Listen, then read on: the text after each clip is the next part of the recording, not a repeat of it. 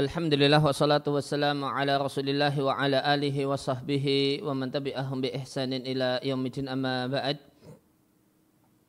Kaum muslimin dan muslimah rahimani wa rahimakumullah di kesempatan mulai kesempatan pagi hari ini kita akan membaca dan mentelaah buku tipis berjudul Humum Talibil Ilmi Kegalauan Penuntut Ilmu karya Syekh Muhammad eh, karya Saleh Al Utsaimin hafidhallahu taala wa wafaqahu.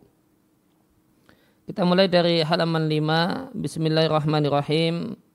Alhamdulillahilladzi ja'alana muslimin wa tafaddala alaina bi ikmaliddin. Segala puji milik Allah yang menjadikan kita kaum muslimin dan memberikan karunia kepada kita dengan menyempurnakan agama.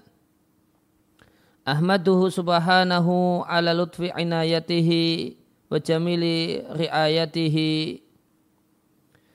Aku memuji Allah Subhanahu wa taala karena kelembutan perhatian Allah dan indahnya perhatian Allah.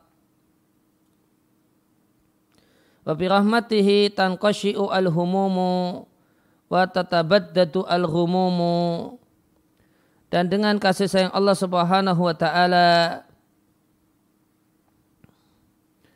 Eh, maka terwujudlah nikmat berupa tatabaddatil al-humumu hancurnya segala kegelisahan segala kecemasan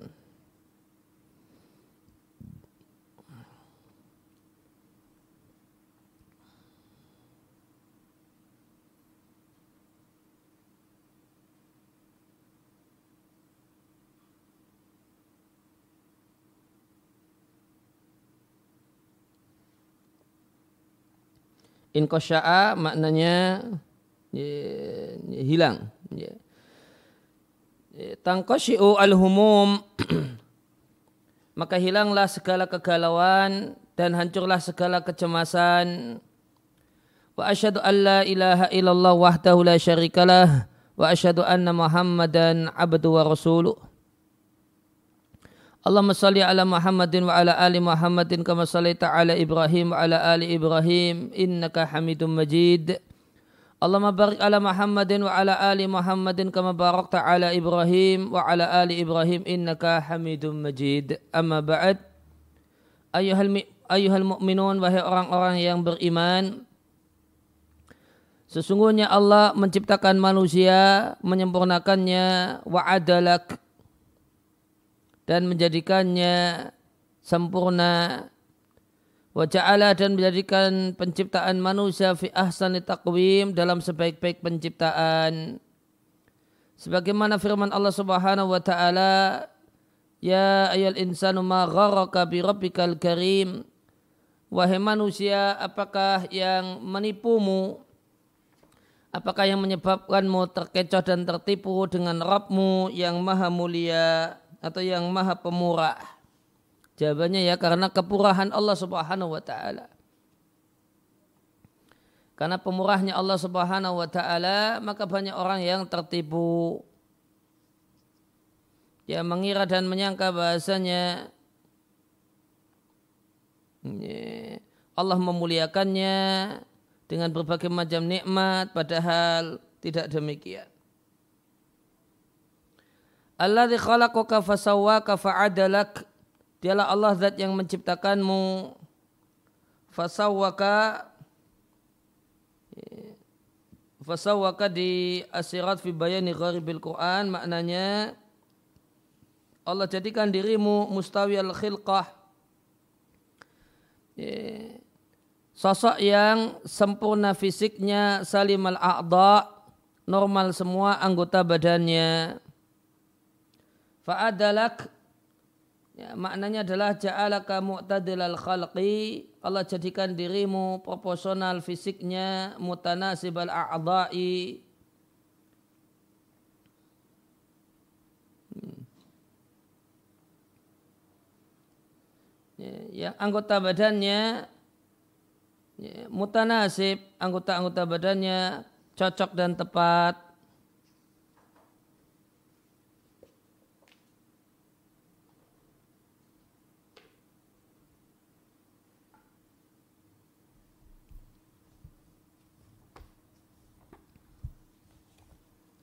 untuk magharaka bi rabbikal karim. Kita lihat tafsirnya di Al-Mukhtasar fi Tafsir.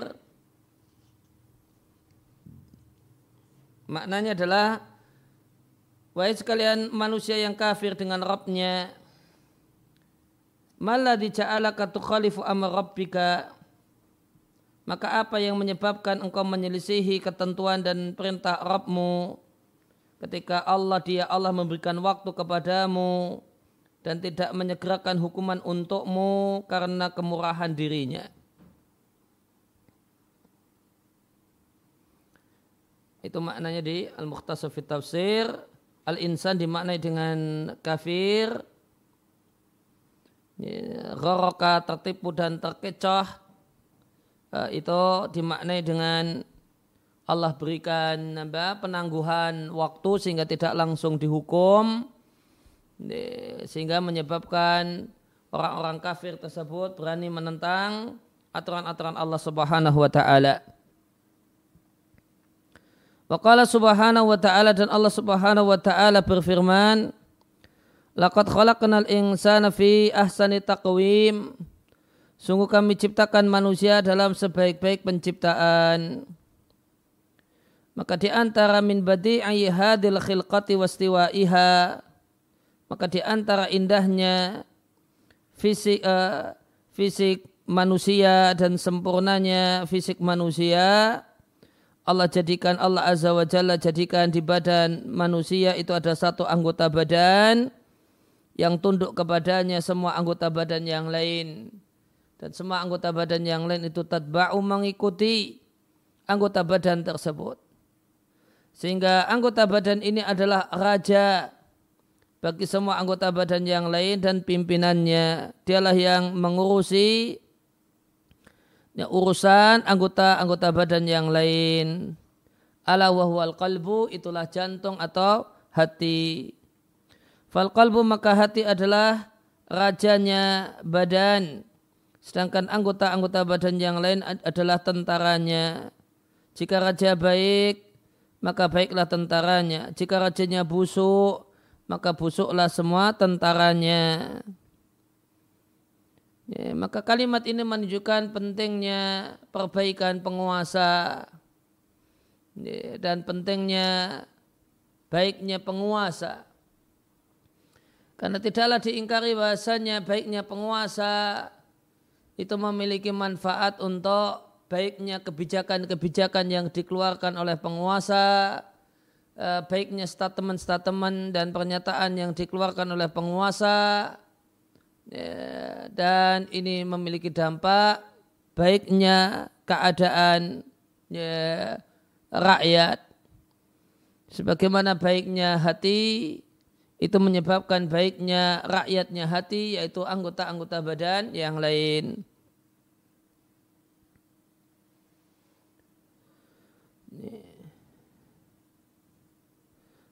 Halaman halaman 6. Wa burhanu hada bukti untuk hal ini adalah hadis yang dikeluarkan oleh Al-Bukhari rahimallahu taala. Hadasana Abu Nuaim qala hadasana Zakaria an Amir Asy-Sya'bi an Nu'man ibn Bashir radhiyallahu anhuma sehingga Nabi Shallallahu Alaihi Wasallam bersabda, Nabi sampaikan hadis yang panjang, wafihi salah satu bagian dari hadis tersebut adalah kalimat berikut ini. Ala ingatlah wa inna fil jasadi mudrah. Di badan manusia itu terdapat segumpal daging. Jika dia baik-baiklah badan seluruhnya. Jika dia rusak maka rusaklah badan seluruhnya. Ala wahyal qalbu. Itulah hati.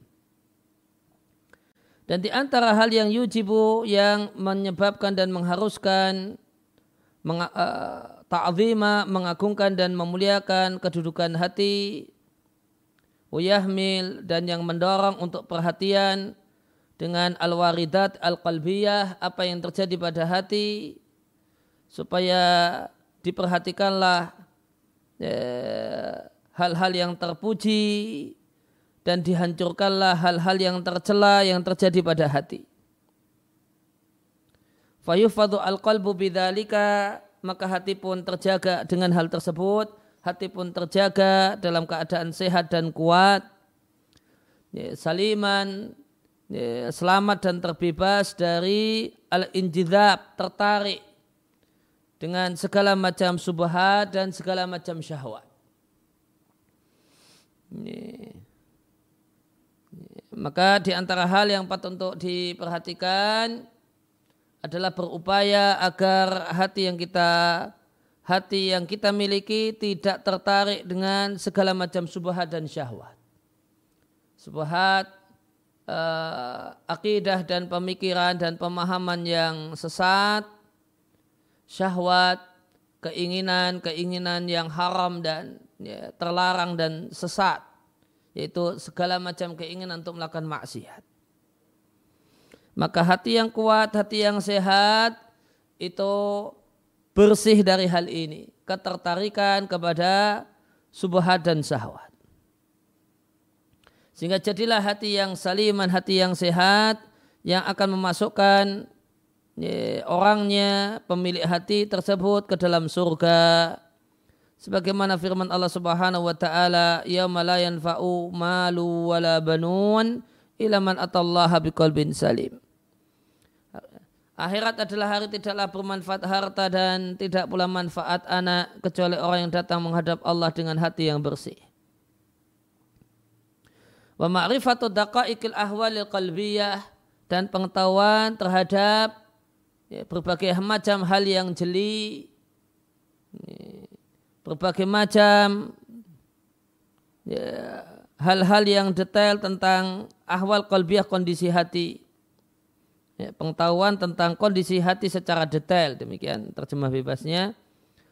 Wataqaluba dan perubahan-perubahan yang terjadi pada jiwa manusia adalah babun minal fiqhi azimun adalah bab yang penting dalam fikih. Dan fikih di sini fikih dalam makna yang luas dan kebutuhan tentang pengetahuan hal ini tentang fikih ini satu hal yang sangat akidatun sangat ya, ditegaskan. Fahia maka fikih ini yaitu fikih tentang pengetahuan tentang keadaan hati dan perubahan hati adalah sebab kebahagiaan di dunia dan di akhirat. Wassalah dan kebaikan nasyatain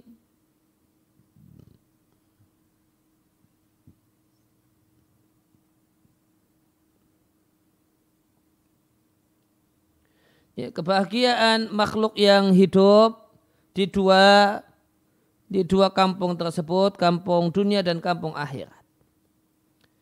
Wakot kana dan dulu nama fikih itu mencakup hal ini, mencakup fikih tentang hati. Ingda salaf menurut para ulama salaf. Sebagaimana yang disebutkan oleh Abdul Farad Ibnul Jauzi rahimallahu ta'ala di bagian awal dari kitab beliau Minhajul Qasidin. Namun tatkala hati itu lemah, alhamdulillah ilmi kullihi untuk memuat dan memikul semua ilmu. Kemudian manusia pun terbagi ya, terbagi-bagi ya, dalam mendapatkan warisan kenabian. Wasara jadilah sebagian mereka menguasai satu ilmu tanpa ilmu yang lainnya. Wa alal amru maka ya, keadaan ini berujung kepada ditelantarkannya ilmu tentang hati dan jiwa. Wa syuhirabihi dan populer tentang masalah ilmu hati sejumlah kelompok dari kalangan orang-orang yang menyimpang dari Al-Quran dan As-Sunnah. Yaitu ya, sejumlah uh, sufi-sufi yang sesat wa ahda suli islahil kulubi dan mereka mengada-adakan untuk perbaikan hati sejumlah ahwalan wa akwala sejumlah tindakan dan perkataan yaitu wirid-wirid dan zikir-zikir yang Allah Azza wa Jalla sama sekali tidak pernah menurunkan dalil tentangnya. Lakin akan tetapi senantiasa ada di tengah-tengah ahlu sunnah wal hadis yaitu ahlu sunnah man yanza'u man yanza'u bi fahmin fi hadal ilmi. Orang yang punya kecenderungan memiliki pemahaman terhadap ilmu ini. Yang dia bisa mengeluarkan permata dari ilmu ini dari lautan, dari dalamnya lautan Alkitab wa Sunnah. Famin huma maka dari keduanya Alkitab wa Sunnah keluarlah permata dan mutiara yang indah berkenaan dengan ilmu ini yaitu ilmu tentang ya, ilmu kulub wan nufus ya, ilmu tentang ya, hati dan jiwa. Oleh karena itu kata berjamaatun minhum sejumlah ulama telah dari kalangan salaf dan khalaf telah menulis surat telah menulis fil ahwalil qalbiyah tentang kondisi-kondisi hati dan lintasan-lintasan jiwa. Maka betapa indahnya mereka dan kita patut untuk memberikan apresiasi apresiasi dan syukur berterima kasih kepada mereka dan dalam masalah uh, ilmu kulub ilmu tentang hati maka Al-Quran dan As-Sunnah keduanya sudah mencukupi walaisa dunahuma kafin dan tidak ada satupun yang mencukupi selain Quran dan Sunnah. Wasyafiani dan Quran dan Sunnah itu sudah memuaskan dan tidak ada yang syafin memuaskan selain atau tanpa Al-Quran dan Sunnah. Fafihima maka dalam Al-Quran dan Sunnah terdapat al-jawabul kafi.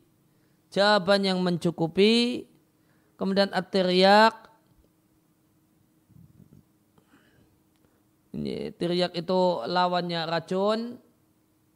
Ya, dalam hal ini tentu racun-racun hati, penawar berarti penawar racun-racun hati asyafi yang menyembuhkan.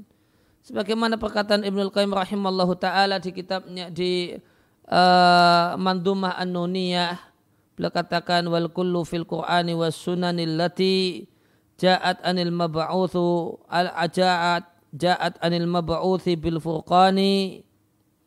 Wallahi ma qala mru'un mudhad uh, mudhadlikun bisiwahima illa minal hadayani.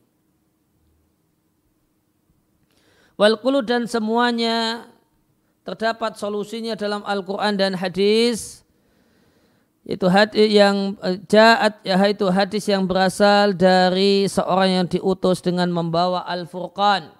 Dengan membawa Al-Qur'an. Wallahi demi Allah tidaklah seorang itu berkata-kata muthatliqun dan dia memaksa-maksakan diri untuk berkata-kata dengan selain Al-Quran dan hadis illa minal hadayani kecuali itu bagian dari ikawan. Maka orang yang berkata-kata tanpa Al-Quran dan hadis maka dia memaksakan diri dan dia adalah orang yang mengigau. Dan di antara hal yang terjadi pada hati al-waridat al-qalbiyah, kejadian yang terjadi pada hati adalah al-hammu Allah ya'tariha adanya alham yang menimpa hati. Apa itu alhamu yang saya terjemahkan dengan kegalauan? Wa hakikatuhu definisi alhamu adalah satu kondisi hati, satu kondisi tak tari al-qalba yang terjadi pada hati. Fatujibu an-nafsa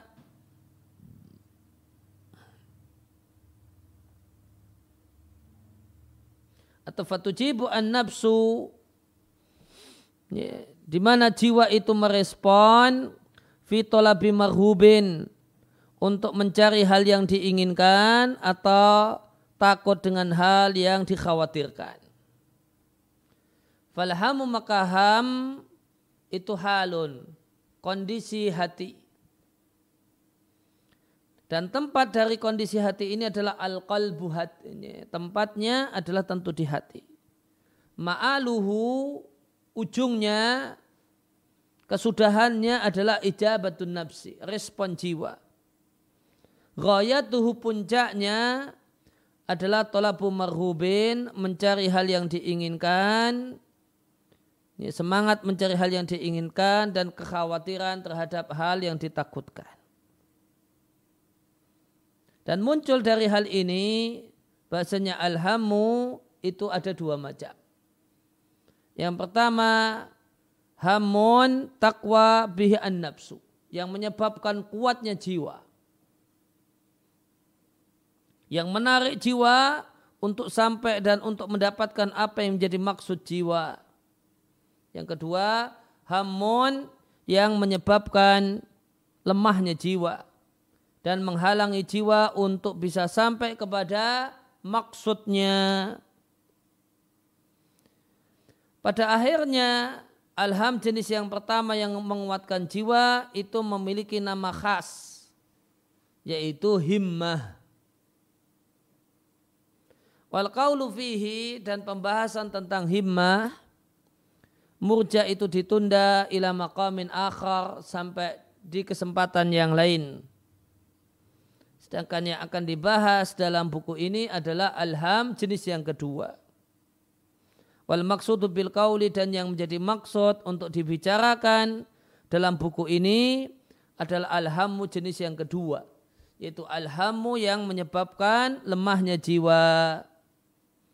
Itulah alhamu al-muqli'u nafsi. Yang bikin cemas jiwa. Yang mencerai beraikan keadaan jiwa dan menghancurkan kekuatan jiwa. Dan tanda alhamu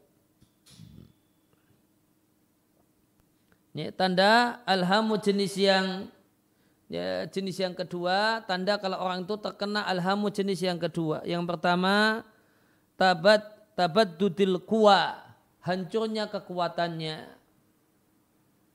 hancurnya kekuatannya orangnya jadinya lemes duduk mojok nah tidak semangat, tidak energik untuk beraktivitas. Yang kedua, tasyattuti dhihni. Pikirannya tercerai-berai. Tidak bisa fokus. Yang ketiga, kalahul wajahi. Wajahnya sangat-sangat cemberut. Ini karena ini galau habis. Ya. Yang keempat, da'fu rohbah Ya, minatnya itu lemah. Yang kelima, dawamul fikri fima yustaqbalu minaz zaman. Ya, pikirannya itu senantiasa terus menerus memikirkan apa yang akan terjadi di masa depan. Ini tanda orang terkena alhamu yang saya terjemahkan dengan galau Ya, beliau beri lima indikator orang yang dirinya terkena penyakit alhamu. Ya, orangnya lemas, kekuatannya seakan-akan habis, pikirannya ke mana-mana, nggak bisa fokus, ya, wajahnya layu, ya, bisa, nggak ceria, cenderung cemberut. Ya ya, minatnya lemah dan yang dipikir gimana nanti, gimana masa depan, gimana besok dan seterusnya. Nah, apa yang menyebabkan orang itu terkena penyakit galau semacam ini? Ya, penyakit galau tidak bisa ya, ya. Maka beliau katakan abu abu kathiratun pintunya banyak Wa anwahu jenis-jenisnya, model-modelnya wafiratun itu berlimpah. Sebabnya mutakathiratun banyak. Maka sebab-sebab galaunya hati itu berbilang sebagaimana berbilangnya keinginan jiwa al-aliyah yang tinggi. Wadaniyah demikian juga keinginan jiwa yang rendah.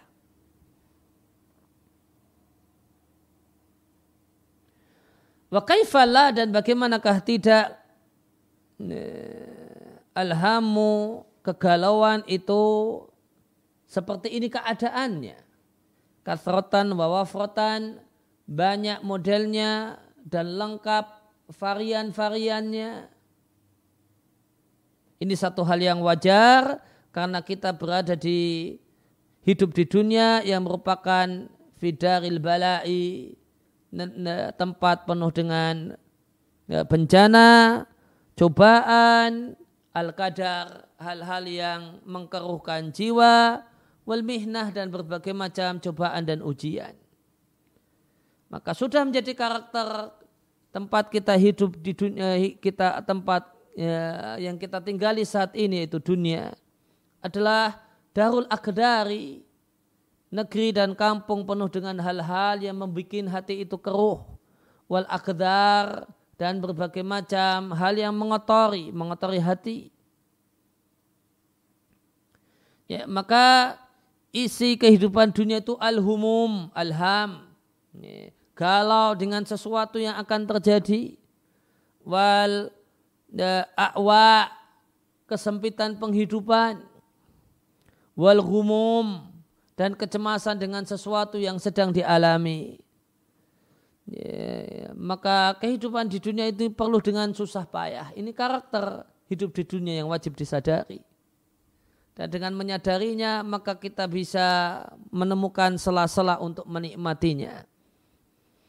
Sebagaimana firman Allah Ta'ala laqad khalaqnal insana fi kabad.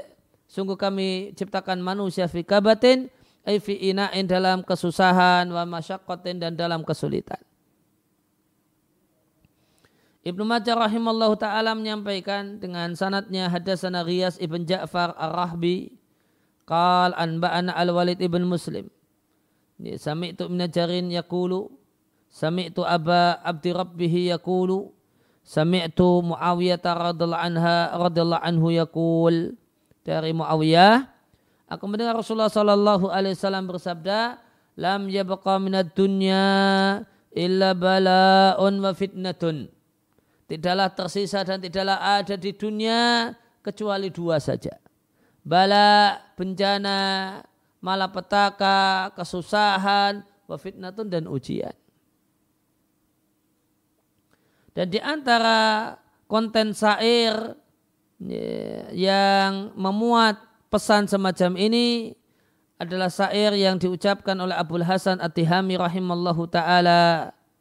Beliau katakan tubiat ala kadarin wa anta turiduha. Dunia itu memiliki karakter ya, bikin keruhnya hati namun engkau menginginkannya. Menginginkan dunia sofwan jernih dari hal-hal yang bikin keruh dan hal-hal yang mengotorinya. Mutakalliful al-ayami engkau adalah membebani hari-hari diddati ba'iha berbeda dengan karakternya. Mutalamison filmai maka engkau adalah orang yang mencari di air jaswata nari ya, bara api. Ya. Maka menginginkan dunia itu hanya berisi bahagia. Berisi sukacita itu kata penyair itu seperti mencari bara api di tengah-tengah air. Adakah hal tersebut? Jawabannya tidak. Tidak akan ada. Di kolam penuh air, cari bara api. Ya tidak pernah ketemu. Maka demikianlah orang yang menginginkan agar dunia ini penuh hanya penuh dengan bahagia, penuh dengan sukacita, ya, itulah yang dia inginkan dari dunia, maka ini satu hal yang sia-sia. Dan adalah Abdul Abbas Ibn Taimiyah rahimallahu taala sering menyitir dua bait ini kathiran sering kali. Maka satu hal yang wajib untuk disadari bahasanya kampung dunia ini dengan segala keindahannya dan perhiasannya adalah penjara orang yang beriman. Dan yang namanya penjara itu tempat penuh dengan kegalauan. Kama thabata bidzalika al-khabaru sebagaimana terdapat hadis yang valid dari Nabi wasallam diatkan oleh Muslim Ibn Hajar dalam sahihnya Qal Imam Muslim mengatakan hadasana Qutaibah ibn Sa'id qala hadasana Ismail ibn Ja'far An Ala ibn Abdurrahman an abihi an Abi Hurairah radhiyallahu anhu. Sunya Nabi Sunya Nabi sallallahu alaihi wasallam bersabda adunya si jenul mukmini wa jannatul kafiri. Dunia itu penjara orang yang beriman dan surganya orang kafir Fatah al-Musli rahimallahu ta'ala salah satu ahli ibadah yang saleh mengatakan Kunna kita manusia ini sebenarnya sekelompok orang penghuni surga lantas iblis menawan kita ila dunia dan dibawa, ditawan, dipindah ke dunia. Oleh karena itu tidaklah keadaan kita di dunia kecuali galau dan sedih sehingga kita dikembalikan ke kampung asli halaman eh, kampung halaman kita yang kita diusir darinya yaitu surga Allah Subhanahu wa taala. Halaman 9 dan betapa indah perkataan Ibnu Qayyim rahimallahu taala yang mengatakan di An-Nuniyah eh, atau bukan ya? Ya ya. Beliau mengatakan fah eh, bukan Nuniyah karena berakhir dengan mim Fahaya ala jannati adnin fa innaha manazilukal ula wa fiha mukhayyamu. Walakinnana sabyul aduwi fahal tura nuraddu ila manazilina wa nusallamu. Fahaya maka marilah menuju surga ya, adnin tempat domisili yang sesungguhnya fa innah maka surga adalah tempat tinggalmu yang pertama dahulu wa fiha di surga al mukhayyamu terdapat tenda-tenda yang indah akan tetapi kita tawanan musuh yaitu iblis fahal tura maka apakah engkau menyangka nuraddu ila manazilina bahasanya kita akan dikembalikan ke tempat tinggal kita wa nusallamu dan kita akan diberi ucapan selamat ya karena masuk surga Allah Subhanahu wa taala. Fadunya maka dunia idan jika demikian karakter dunia yang wajib disadari oleh setiap penghuni dunia bahasanya dunia itu adalah darul masyaqqati wal inai ya, tempat penuh masyakoh, kesusahan, wal ina dan penuh kemudian kesusahan. Isi dunia adalah al-humum, mencemaskan, mengkhawatirkan hal yang sedang terjadi. Ya, al-humum mengkhawatirkan hal yang belum terjadi, galau karena hal yang belum terjadi, wal humum dan cemas dengan sesuatu yang sedang terjadi.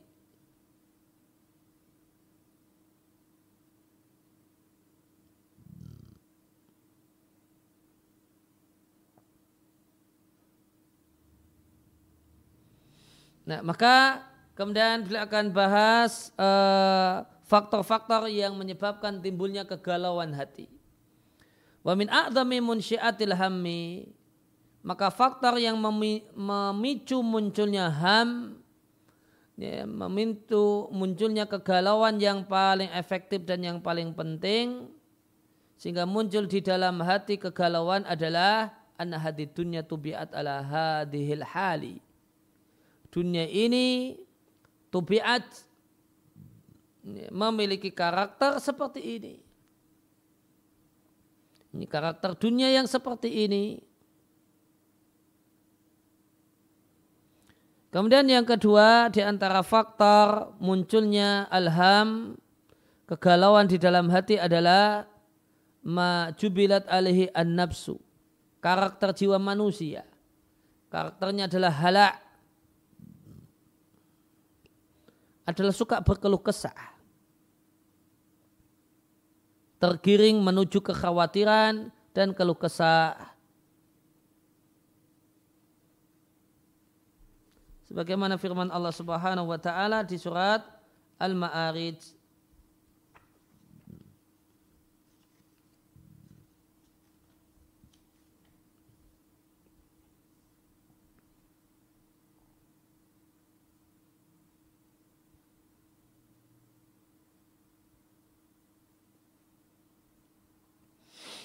Innal insana khuliqa halu'a. Sesungguhnya manusia itu tercipta dalam uh, dalam keadaan memiliki sifat halu. Apa makna halu? Ada di dua ayat setelahnya. Jika mendapatkan keburukan yaitu musibah, jazua berkeluh kesah. Jika mendapatkan kebaikan dan nikmat, manua pelit. Faljibilatu an nafsiyah maka karakter jiwa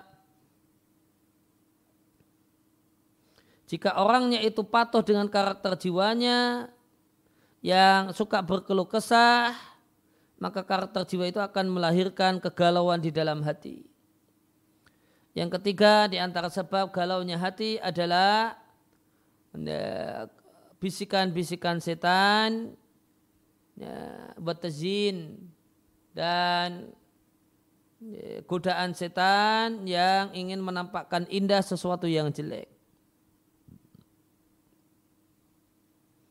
Dan serangan setan bikhailihi wa rajilihi dengan tentaranya yang berkuda, demikian juga tentaranya yang jalan kaki. Artinya dengan semua kekuatan yang dia miliki. Ya, maka dia ingin memberikan godaan tarhiban wa tarhiba untuk menakut-nakuti dan memotivasi tentu motivasi memotivasi keburukan dan menakut-nakuti untuk melakukan kebaikan Sebagaimana firman Allah Subhanahu wa taala, "Innama dzalikum syaitan" itu adalah setan yang menakut-nakuti para kekasihnya. Ini, para ulama tafsir menjelaskan ayat makna ayat ini, setan menakut-nakuti kalian dengan para kekasihnya yaitu orang-orang kafir supaya kalian takut kepada mereka kekasih-kekasih setan. Ini, contoh motivasi Asyaitan ya'idukumul faqra ya'murukum bil fahsya'i. Setan menjanjikan kemiskinan untuk kalian dan memerintahkan kalian untuk melakukan perbuatan keji. Wafi ayatin ukhra dan dalam banyak ayat-ayat yang lain, ya, ayat-ayat tersebut menyingkap peran tersembunyi dari setan yang terkutuk untuk memicu timbulnya al-humum wal-humum galau dengan sesuatu yang belum terjadi, kemudian al-humum, kecemasan dengan sesuatu yang sedang terjadi. Tadi tiga, kemudian yang keempat, di antara hal yang menyebabkan kegalauan adalah larut dengan lintasan-lintasan pikiran, istirsalu fil khawatir. Fatabiatul mar'i maka tabiat Eh, eh, fatabiatul mar'i maka tabiat dan karakter seseorang ya, karakter manusia adalah beredarnya berbagai macam lintasan pikiran dalam jiwanya.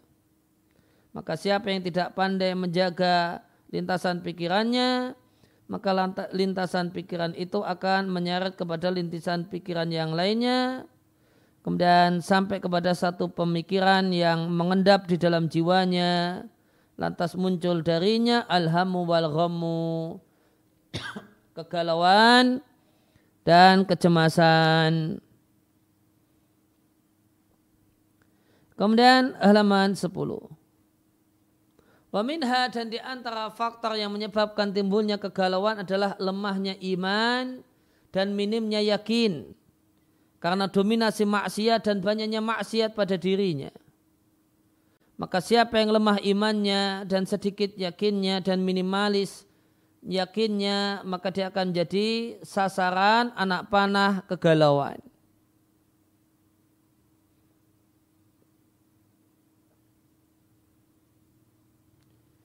Faidah syaka fuadahu wahidun minha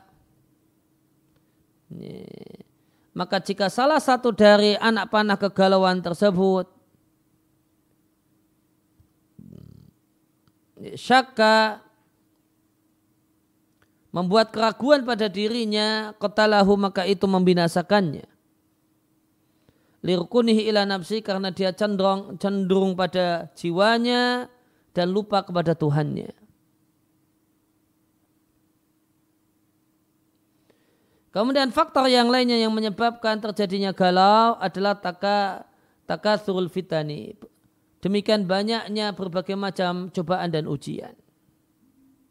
Maka berbagai macam cobaan dan ujian itu musabbihat menjadi serangan di pagi hari wa siat dan serangan di sore hari itu tus'ijun nafsa mengganggu jiwa wa tubal bilbu wa tubal bilu khawatiroha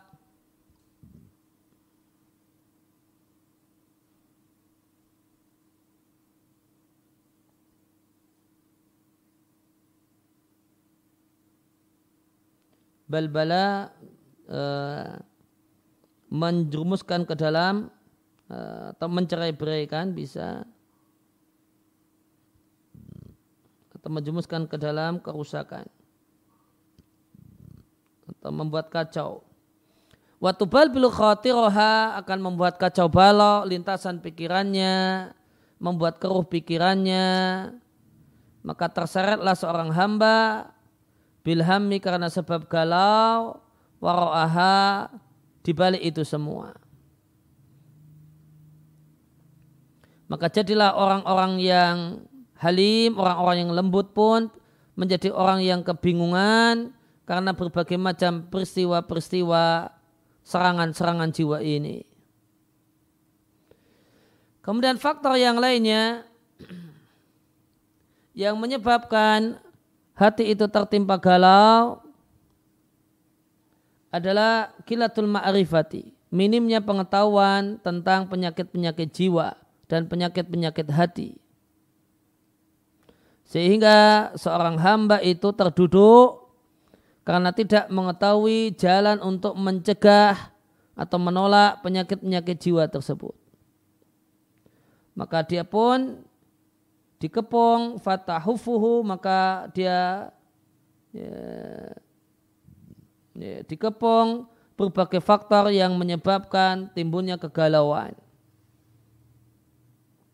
Dalam keadaan dia tidak memiliki ilmu tentang hal-hal tersebut, dan tidak sadar pada bahayanya Akhirnya berbagai macam faktor yang menyebabkan kegalauan tadi bekerja pada dirinya. Amalah sebagaimana fungsinya yaitu menimbulkan kegalauan. Dan kadar galau itu bertingkat-tingkat. Al-qulub hati itu bertingkat-tingkat dalam kadar galau dan cemasnya. Dengan tingkatan-tingkatan yang sangat banyak.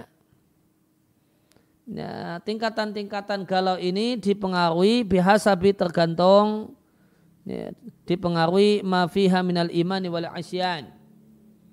Keimanan dan kemaksiatan yang ada ya, di dalamnya ada pada ya, yang ada pada hati dan kuat dan lemahnya hati sebagaimana kata Ibnu Qayyim rahimallahu taala di kitabnya Bada'i Fawaid. Maka kadar galau itu bertingkat-tingkat. Ada orang yang hatinya kuat, cenderung cuek, ah, tidak mudah galau. Non kalau orangnya itu hatinya lemah, ada satu hal yang bikin galau sedikit sudah larut, ya sudah. Akhirnya dia galau berhari-hari. Demikian juga dipengaruhi oleh iman dan kemaksiatan. Semakin bagus keimanan seseorang, maka semakin sedikit kadar galaunya. Dan tidaklah Allah jadikan penyakit kecuali memiliki obat. Sebagaimana terdapat uh, kama sahat bi al-akhbar, sebagaimana terdapat sejumlah hadis dari uh, Nabi manusia pilihan sallallahu alaihi wasallam. Dan alham dan galau adalah salah satu salah satu penyakit dalam ini penyakit jiwa dan penyakit hati. Dan dalam Al-Quran dan hadis Nabi Shallallahu Alaihi Wasallam serta pengalaman banyak orang terdapat dawa udai. Ini obat dari penyakit ini. Kesimpulan yang bisa kita punguti dari sana dan sini, dari Al-Quran, dari hadis Nabi dan pengalaman manusia, ini takrir, ini kesimpulannya bisa kita laporkan atau kita jelaskan bahasanya galau itu memiliki dua jenis obat. Yang pertama obat syar'i. yang obat syar'i ini mausufah telah diresepkan dalam khitab syar'i dalam teks syariat yaitu Al-Quran dan hadis. Kemudian yang kedua adalah obat kodari, obat non syar'i yang ini telah diresepkan dalam lisan banyak orang berdasarkan pengalaman pengalaman hidup mereka. Wat ityan ila jumhuriha dan e, membahas mayoritas dari obat-obat ini plus digandeng dengan dalil-dalilnya maka itu memerlukan waktu yang lama. Oleh karena itu akan kami bawakan poin-poinnya hahuna dalam kesempatan ini ma yuntafa'u bihi ilahinin satu hal yang bisa diambil manfaatnya sampai waktu tiba untuk uh, membahas poin-poin ini secara lebih detail halaman 11 maka di antara obat syar'i ya, untuk menyembuhkan dan menterapi penyakit galaunya hati yang pertama adalah mengisahkan Allah Subhanahu wa taala Kemudian mencucikan Allah dan yakin bahasanya Allah itu tidak zalim dengan hambanya. Kemudian yang ini berpasangan dengan poin yang selanjutnya pengakuan hamba kalau dialah yang mengalami uh, melakukan kecerobohan. Kemudian tawasul kepada Allah dengan nama-nama yang terindah dan sifat-sifatnya yang luhur. Kemudian minta tolong kepada Allah, tawakal kepadanya dan menggantungkan harapan kepada Allah. Kemudian berikutnya adalah arata'u menikmati taman-taman Al-Quran. Maka menikmati ya, indahnya Al-Quran. Itu menjadi obat penyakit galau. Banyak-banyak istighfar dan bertobat. Jihad. Demikian juga ya, jihad itu memiliki manfaat mengusir galau. Demikian juga sholat. Kemudian berlepas diri dari daya dan kekuatan diri. Banyak-banyak mengucapkan la haula wala quwata illa billah dengan memasukkan hal tersebut ke dalam hati. Iman dan amal soleh, berdoa dan berzikir, mengkonsentrasikan jiwa dan hati untuk melakukan hal yang manfaat. Kemudian hati tidak disibukkan dengan bima fata dengan sesuatu yang sudah luput dan sudah berlalu tidak mungkin dikejar. Kemudian baik sangka kepada Allah Subhanahu wa taala, suhud uh, menyaksikan dan mengakui minnah rabbaniyah betapa banyaknya karunia Allah bitakfir al khataya karena Allah itu menghapus dosa dengan sebab ya, galau dan kecemasan yang terjadi pada diri kita. Dan Ibnul Qayyim rahimallahu taala memiliki dua fasal yang manfaat yang mati'ani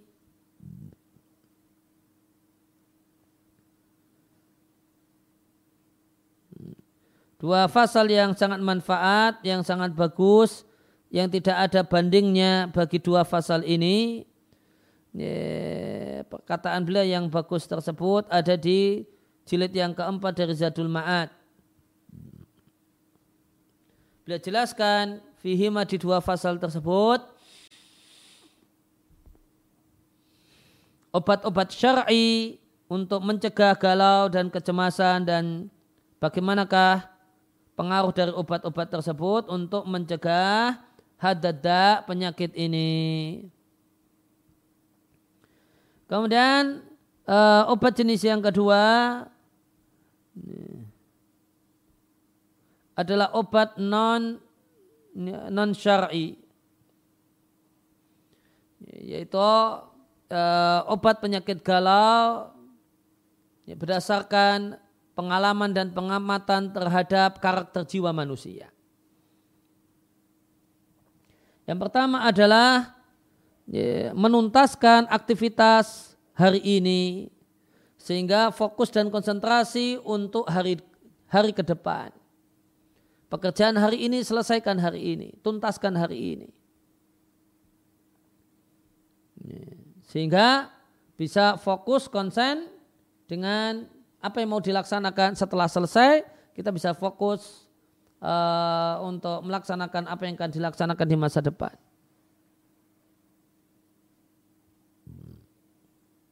Kemudian menyingkirkan at-takalluf, memaksa-maksakan diri fi akhdi al-fadaili untuk mengambil hal-hal yang istimewa. Ya, jika memang tidak mampu, maka tidak ya, usah memaksakan diri harus punya pencapaian ini dan itu. Yang penting kita usaha.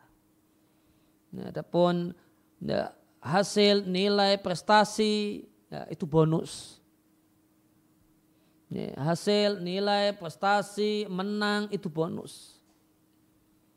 Yang pokok adalah usaha kita. Kemudian eh, memilih-milih melakukan aktivitas-aktivitas yang mulia. Kemudian mengkondisikan jiwa untuk tidak meminta dan mengharapkan ucapan uh, uh, balasan dan terima kasih kecuali dari Allah Subhanahu wa taala. Karena di antara hal yang menyebabkan orang itu mudah galau itu mengharap berbuat baik kepada orang dan mengharap dia berterima kasih atas kebaikan kita. Nah, ini yang mudah bikin galau. Ini, ketika berbuat baik, kita tunggu responnya, ternyata tidak ngerespon. Akhirnya galau. Hmm. Namun kalau kita kondisikan jiwa dan diri kita, kita tidak mengharap uh, balasan dan terima kasih darinya, maka kita akan nyaman. Karena kita cari ganjaran dan pahala dari Allah Subhanahu wa taala dalam kebaikan yang kita lakukan kepadanya. Kemudian Mengetahui dan menyadari bahasanya gangguan manusia kepada kita dengan ucapan dan perbuatan itu tidak membahayakan kita jika kita tidak memikirkannya. Jika kita santai saja. Namun akan membahayakan mereka. Kemudian eh, menghadirkan kesadaran di dalam diri dan hati singkatnya kehidupan dunia. Maka jangan lebih dipersingkat lagi dengan bertambahnya kegalauan. Kemudian uh, melatih jiwa untuk rela bersusah payah merasakan pahitnya takdir Allah Subhanahu wa taala wa ta'widuha dan membiasakannya asobara untuk menggigit tumbuhan yang pahit. Maka jiwa dilatih dengan dilatih dibiasakan dengan hidup susah. Hidup susah itu biasa dan siap. Kok ternyata hidup enak ya alhamdulillah.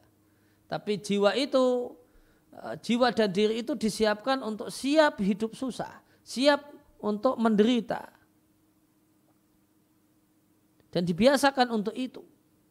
Dibiasakan dari ya, Eh, tidak mendapatkan fasilitas ini dan itu, kenyamanan ini dan itu. Kok ternyata dapat kenyamanan ini dan itu, ya alhamdulillah. Ya, poin-poin ini semuanya disebutkan oleh Ibnu Sa'di rahimallahu taala di kitab beliau yang tipis namun sangat bermanfaat, Wasail Mufidah fi Hayati Sa'idah. Kemudian di antara obat kodari, obat non syar'i adalah menggunakan benda-benda yang warnanya kuning kuning yang menyenangkan. Karena warna kuning itu menyebabkan gembiranya jiwa dan menghilangkan galau sebagaimana disebutkan oleh Abu Hayyan Al-Andalusi rahimallahu taala di kitabnya Al-Bahrul Muhit. Wa syahiduhu dalilnya firman Allah taala tentang sapi Bani Israel. Bakaratun safra'u faqi'u launuha tasurun nadhirin. Ya, sapi tersebut sapi yang berwarna kuning Faqi ulaunuha tasurun nadhirin. Ini mahalu syahidnya menyenangkan orang-orang yang melihatnya.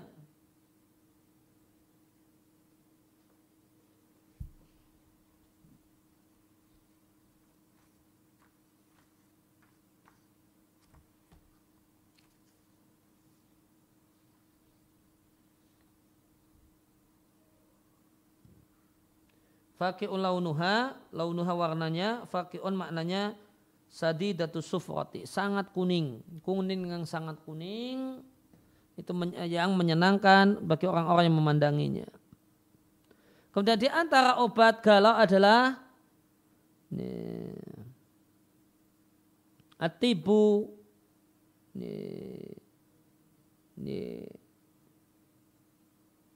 mungkin tip tip itu kedokteran wa ityanu zaujah dan menyetubuhi istri. Orang itu penat pikirannya ketika laki-laki itu penat pikirannya, banyak masalah. Kemudian dia uh, lampiaskan masalahnya tersebut dengan menjimai istrinya, maka ini jadi sebab uh, hilangnya kegalauan dan keresahan. Sebagaimana disebutkan oleh Abdul Farad Ibnu Rajab di sebagian uh, kitab beliau. terapi yang lainnya adalah memanah. Karena memanah itu memiliki pengaruh menghilangkan galau dan kecemasan sebagaimana disebutkan oleh Ibnu Qayyim rahimahullah taala di kitabnya Al-Furusiyah. Obat yang lainnya di halaman 13 adalah memakai perhiasan atau untuk laki-laki cincin dari perak sebagaimana disebutkan oleh Ibnu Qayyim rahimahullah taala di Zadul Ma'ad. Ya, eh, terapi yang lainnya adalah memandangi cahaya, ya, kelap-kelip cahaya, wal azhar dan bunga-bunga yang indah, wa atyar dan burung-burung yang al-malihah yang cantik, wa alwan ala ahsanah dan warna-warna yang bagus.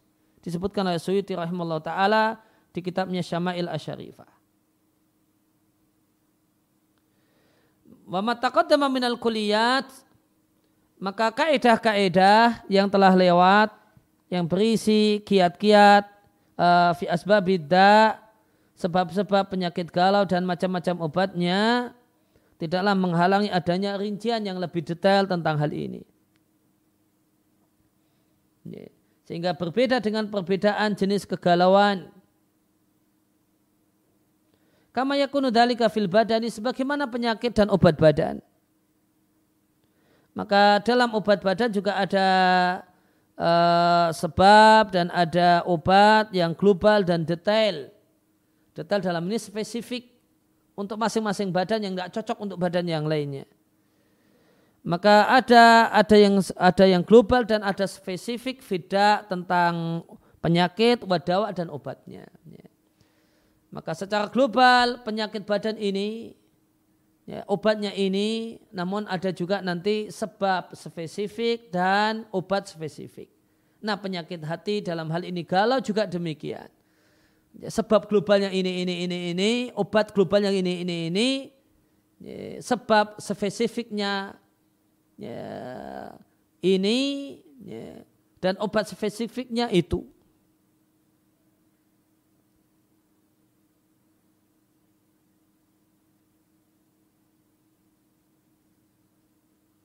Wama mayaharu almaru dan ketika dan betapapun seorang itu kebingungan tentang pengetahuan hal ini, maka orang yang memperhatikan keadaan manusia yakifu ala akan mengetahui obatnya dan keadaan uh, dan keadaan manusia dalam berbagai macam kegalauan.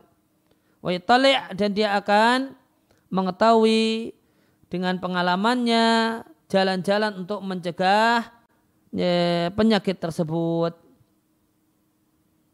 Wa minal humumi dan di antara kegalauan alati talzamu ma'rifatuha yang wajib diketahui lil bahsi untuk kita bahas jalan untuk menghilangkannya adalah humumut tolab. Kegalauan dalam kegiatan menuntut ilmu. Li'anat tolab karena uh, kegiatan mencari ilmu adalah jalan yang mengantarkan kepada Allah Subhanahu wa taala dengan mengenal Allah dan mengenal perintah atau aturan Allah yang mengantarkan penuntut ilmu menuju surga Allah Subhanahu wa taala. Maka jika tidak diketahui kegalauan-kegalauan dalam kegiatan belajar dan cara mengobatinya, maka hal itu kegalauan ke, tidak tahu ya, tidak tahu ya, sebab-sebab ya, obat-obat kegalauan ini membahayakan al-muta'alimina pelajar dan akan memotongnya sehingga terpisah terjauh dari penghambaan kepada Rabbul Alamin. Wali ajli oleh karena itu maka aku memilih untuk membicarakan kepada Anda sekalian di malam ini sejumlah kegalauan-kegalauan dalam menuntut ilmu. Wa asif dan aku akan resepkan obat yang manfaat yang ini adalah tadba'uha mengikuti mengikuti masing-masing jenis kegalauan. Ya, maka beliau akan sebutkan masing-masing jenis kegalauan, kemudian akan beliau ikuti dan beliau lanjutkan dengan uh, resepnya. Muktasiran mencukupkan diri dalam masalah ini, dalam masalah obat galaunya atau sebab galaunya dan resepnya, al-muhimmat dengan poin-poin yang penting-penting saja, dengan seiring memohon kepada Allah untuk kudaan anda sekalian, agar Allah memberikan taufik, wal bulu dan terwujudnya al-ghayat, tujuan dan harapan. Ya demikian yang kita baca kesempatan kali ini wasallallahu ala nabiyina Muhammadin wa ala alihi wasallam wa rabbil alamin.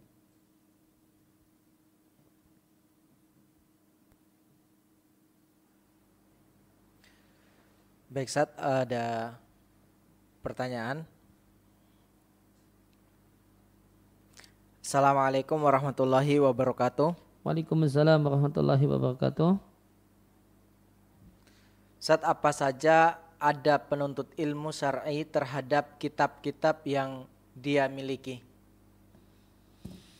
Ya, adab terhadap buku di antara yang pokok adalah merawat buku, menghormati buku dan meletakkan di antara bentuknya adalah meletakkan buku di tempat yang layak. Ya. Dan uh, dan di antara bentuknya ya, tidak meletakkan uh, mushaf di bawah kemudian ditumpui uh, buku-buku yang lain namun meletakkan mushaf di bagian atas demikian juga meletakkan buku-buku tafsir karena mengandung ayat Al-Quran atau didominasi ayat Al-Quran di, di bagian atas ketika menumpuk buku. Tidak menjadikan buku sebagai bantal. Yeah. Yeah. demikian juga wallahu taala a'lam. Tidak meletakkan buku agama di bagian dalam jok uh, jok motor. Ada sekarang banyak motor di joknya itu bisa untuk naruh buku. Tidak selayaknya buku ditaruh di situ kemudian di ya, kemudian uh, dipantati kemudian orangnya duduk di atasnya nah Baik, saat, uh, pertanyaan berikutnya. Assalamualaikum warahmatullahi wabarakatuh. Waalaikumsalam warahmatullahi wabarakatuh. Saat mohon nasihatnya agar jangan pernah bosan duduk di majelis ilmu syar'i baik dalam rangka belajar ataupun mengajarkannya. Ya kiat utama adalah cinta. Ya, jika seorang itu telah betul-betul cinta dengan ilmu, maka semuanya nikmat. Ya, duduk belajar itu nikmat, duduk mengajar juga nikmat. Dan kita semua memerlukan dua hal ini duduk belajar dan bagi orang-orang yang uh, telah kemudian cukup mapan ilmunya maka duduk mengajar. Nah. Baik saat yang berikutnya Assalamualaikum warahmatullahi wabarakatuh. Waalaikumsalam warahmatullahi wabarakatuh. Saat apakah mungkin tercegahnya menuntut ilmu Mentadaburi ayat Al-Quran sulit menghafalnya bisa disebabkan karena adanya jin eh, dalam tubuh? Dan apakah yang harus diperbuat karena sepertinya jin susah keluar? Jazakumullah khairan. Yang pokok sebab pokok adalah karena kemaksiatan-kemaksiatan kita. Ya, adapun jika memang terasa ada jin dengan tanda-tanda yang lainnya, ya, maka terapinya adalah uh, tawakal pada Allah, doa, kemudian uh, ru'yah mandiri dan jika dirasa belum cukup maka tidak mengapa minta ru'yah kepada minta diru'yah kepada praktisi orang yang terbiasa meru'yah dan dengan catatan praktisi tersebut adalah seorang penuntut ilmu ya, orang yang tahu agama ya, bukan hanya sekedar pengalaman ya, ru'yah saja. Nah. Baik, saat yang berikutnya Assalamualaikum warahmatullahi wabarakatuh. Waalaikumsalam warahmatullahi wabarakatuh. Saat jika ada guru yang ingin kita ambil ilmunya tetapi ahlaknya tidak baik. Bagaimana Ustaz? Ya, maka melihat kondisi di tempat tersebut, adakah guru yang lain, adakah guru ngaji yang lain? Kalau ada, ambil dan manfaatkan uh, uh, guru lain tersebut. Ya, kemudian melihat kondisi eh, orang yang belajar ini, apakah dia sudah uh, mampu mandiri dalam belajar karena kemampuan baca kitabnya sudah bagus, kemampuan untuk mendengarkan bagus, kalau dia punya sudah bisa mandiri dalam belajar, ya, ya, maka kemudian dia lebih memilih memanfaatkan uh, fasilitas belajar online dengan uh, banyak menyimak kajian para ustadz uh, yang tersebar luas di dunia maya atau kemudian kajian para masyayikh yang sangat berlimpah di YouTube Ya, ya, kemudian kemudian tekun membaca buku-buku yang manfaat, maka untuk pelajar yang sudah bisa mandiri boleh jadi lebih manfaat itu daripada banyak bergaul dengan guru yang lisannya pedas dan akhlaknya buruk. Nah, Baik yang berikutnya Sat Assalamualaikum warahmatullahi wabarakatuh Waalaikumsalam warahmatullahi wabarakatuh Sat setelah mengetahui terjemah yang terdapat apabila salah di dalam membacakan surat Al-Fatihah menjadikan ketika membaca surat Al-Fatihah menjadi was-was dan semakin terbata-bata. Bagaimana solusinya, Ustaz? Ya, was oh, penyakit uh, penyakit was-was, ragu-ragu obatnya ilmu. Nah, maka ilmu itu tidak menyebabkan was-was. Ya, karena bingung itu penyakit orang yang tidak tahu. Ilmu yang benar itu akan menghilangkan was-was. Ya, bukan menimbulkan was-was. Ya. Nah. Baik Sat, eh, yang terakhir Sat, Assalamualaikum warahmatullahi wabarakatuh. Waalaikumsalam warahmatullahi wabarakatuh. Saat bagaimana hukum bagi seorang admin WA yang mana di grup tersebut banyak memuat foto atau video yang menampakkan aurat wanita. Jazakumullah khairan. Ya.